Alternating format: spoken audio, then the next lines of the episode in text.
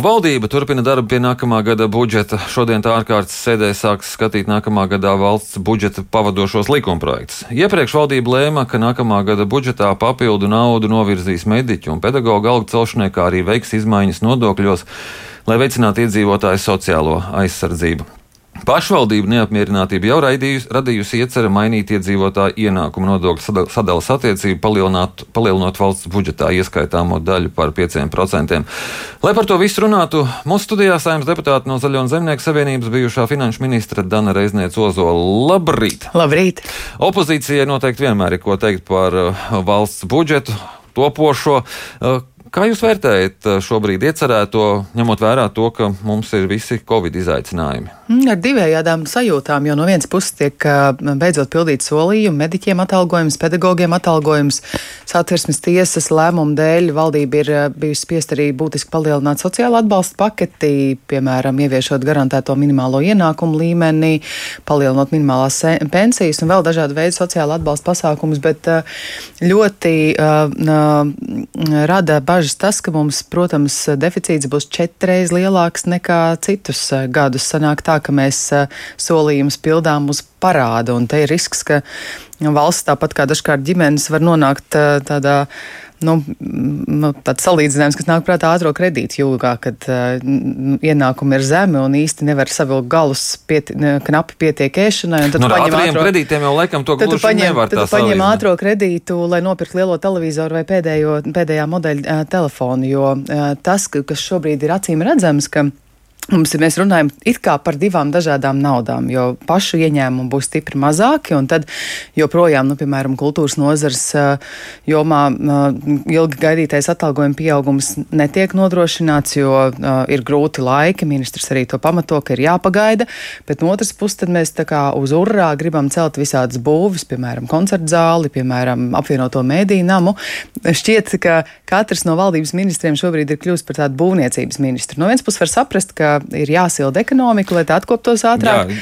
Bet no otras puses ir jābūt ļoti uzmanīgiem, lai sildot vienu ķermeņa vietu, neradītu tādu pārkaršanu un, un iekaisumu. Jo mums jau, manuprāt, vēl nesen ir atmiņā eh, tas brīdis, kad eh, ļoti intensīvi apguva Eiropas Savienības fondus pēdējā plānošanas perioda beigās. Tad eh, bija gan darba sastrēgums, gan cenas ļoti, ļoti strauji pieauga līdz tādai pat situācijai, kad visā Eiropā pietrūka stikla vats. Ja? Nu, mm. Tas tāds labs, labs piemērs, kad ir jābūt ļoti uzmanīgiem uzmanīgiem ar to, kā. Nu, jums jau ir liela pieredze gan finanšu ministra amatā, gan ekonomikas ministra amatā. Jūs jau saprotat, kuru ķermeņa vietu būtu jāsilda. Jūs ieskatāt, tad sildīs pareizot vietu, Nu, man šķiet, ka būtu jāizstrādā patiesībā plāns reģionālajai attīstībai. Tas ļoti labi sadarētos arī ar administratīvu teritoriālo reformu, arī ar solījumu, ka mēs padarām pašvaldības lielākas, spēcīgākas un šāda programma būs. Bet tas, ko mēs redzam nākamā gada budžetā, ka tieši otrādi atkal pašvaldībām tiek atņemti līdzekļi, apmēram 90 miljonu vien jau pārdulot iedzīvotāju ienākumu nodokļa īpatsvaru no 80% uz 75%, un to daļai, daļai iz, izmantojot arī mediķu algu nodrošināšanai, kas nozīmē, ka dzīves kvalitāte faktiski reģionos kritīsies, nevis, nevis pieaugs. Un, ja kāds domā, ka tādā veidā soda pašvaldību vadītājs vai pašvaldību deputāts, domāju, smagi alojas, jo tas sitiens būs piedzīvotājiem, nevis pa pašvaldības vadītājiem. Un otra lieta, kas, es teiktu, arī būs tāda zaudētāja, ir mazie uzņēmēji, visi tie, kas šobrīd strādā mazajos režīmos, jo viņiem vismaz tā kā šobrīd ir paredzēts, būs straujišs nodokļu maksājuma pieaugums. Doma laba, ka ir jārūpējas par viņu sociālo nodrošinājumu, bet es domāju, ka šis ir ļoti slikts laiks, kad to darīt, jo nu, ekonomika tikai knapi sāk atkopties no krīzes, un krīzes laikā nodoklis nepalielina. Un, un, ja domā, ka sociālo iemaksu palielinot no 5% uz vairāk kā 30%, tas tiešām motivēs cilvēkus to maksāt un pāriet uz vispārējo režīmu, es domāju, ka nu, tā var būt būtiska kļūda. Un tieši otrādi tas var iestumt šos uzņēmējus. Kā, kā, kāpēc jūs ieskatāt cietīs uh, iedzīvotāji, taču minimālā alga palielinās, neapliekamais minimums? Tādēļ, ka visi tie cilvēki, kas ir saimnieciskās darbības veicēji, kas ir autora atlīdzības saņēmēji, kas ir pašnodarbināti, ja tā var teikt, viņiem būs obligāts pienākums katru mēnesi maksāt uh, vismaz minimālu sociālu iemaksu, uh, kas uh, būs jāveic neatkarīgi no tā, vai ienākumi sasniegs uh, minimālās algas līmeni vai nē. Un, uh, nu, tādu radošu profesiju pārstāvi, kuriem nav regulāri garantēti ienākumi, var ar to netikt galā. Bet tad uh, sociālā nodokļa pazemināšana ir solis pareizā virzienā? Sociālā nodokļa pazemināšana par 1% ir solis pareizā virzienā, mm -hmm. jo tas samazina kopējo nodokļu slogu, bet ar otru roku tiek būtisks, būtiski palielināts sociālo iemaksu apjoms, uh, nosakot, ka neatkarīgi no taviem ienākumu līmeņiem, saņemtu minimālo, minimālo algu vai nē, tev būs jāveic maksājums vismaz no minimālās algas. Mm -hmm. Tas ir tas riskantākais šobrīd. Jā, bet tad runājot par šo budžetu, jūs sacījāt divējādas sajūtas. Tad tā naudas noņemšana pašvaldībām tas ir slikti, e, budžeta deficīta palielināšana slikti, tad tās, tās pozitīvās lietas tad ir kuras? Tas, ka tiek beidzot e, pildīt solījumi, mediķa atalgojumu palielinot, e, vēl droši vien noteikti būs daudz diskusiju par to, kā šo finansējumu iekšienē nozarē labāk sadalīt, lai tā nauda aiziet tiem, kam visvairāk vajadzīgs, piemēram, medmāsu atalgojumu palielināšanai. Skolotāji ir sagaidījuši savu algu pieaugumu, tas arī ir, tas arī ir labi, un sociālais nodrošinājums tiek palielināts, kā es jau minēju minēju, minimālās pensijas tiek palielinātas, garantētais minimālais ienākums. Un, Nu, cerams, ka arī tiks pildīts tas solījums, kas vismaz kaut kur jau izskanēja valdības sēdēs un, un materiālos, ka varētu arī ģimeņa atbalsts būt nākamajā gadā lielāks. Mm -hmm. uh, nodokļu reforma. Mm. Cik lielā mērā tā. Attaisnotās? Es nesaucu to par reformu, jo reformai būtu jābūt tādam plānam, kas vismaz vairāk gadu garumā piedāvā redzējumu, kā tiks mainīt nodokļu sistēmu, un arī, nu, lai tas būtu tāds harmonisks vēstījums un komplekts konkurētspējas palielināšanai, nevienlīdzības mazināšanai. Šobrīd es teiktu, ka ir tādas nu, atsevišķi fragmentāri piedāvājumi nodokļu sistēmas, sistēmā. Uh, labās lietas ir tās, ka tiks palielināts neapliekamais minimums. Tas uh, samazina nodokļu slogu strādājošajiem.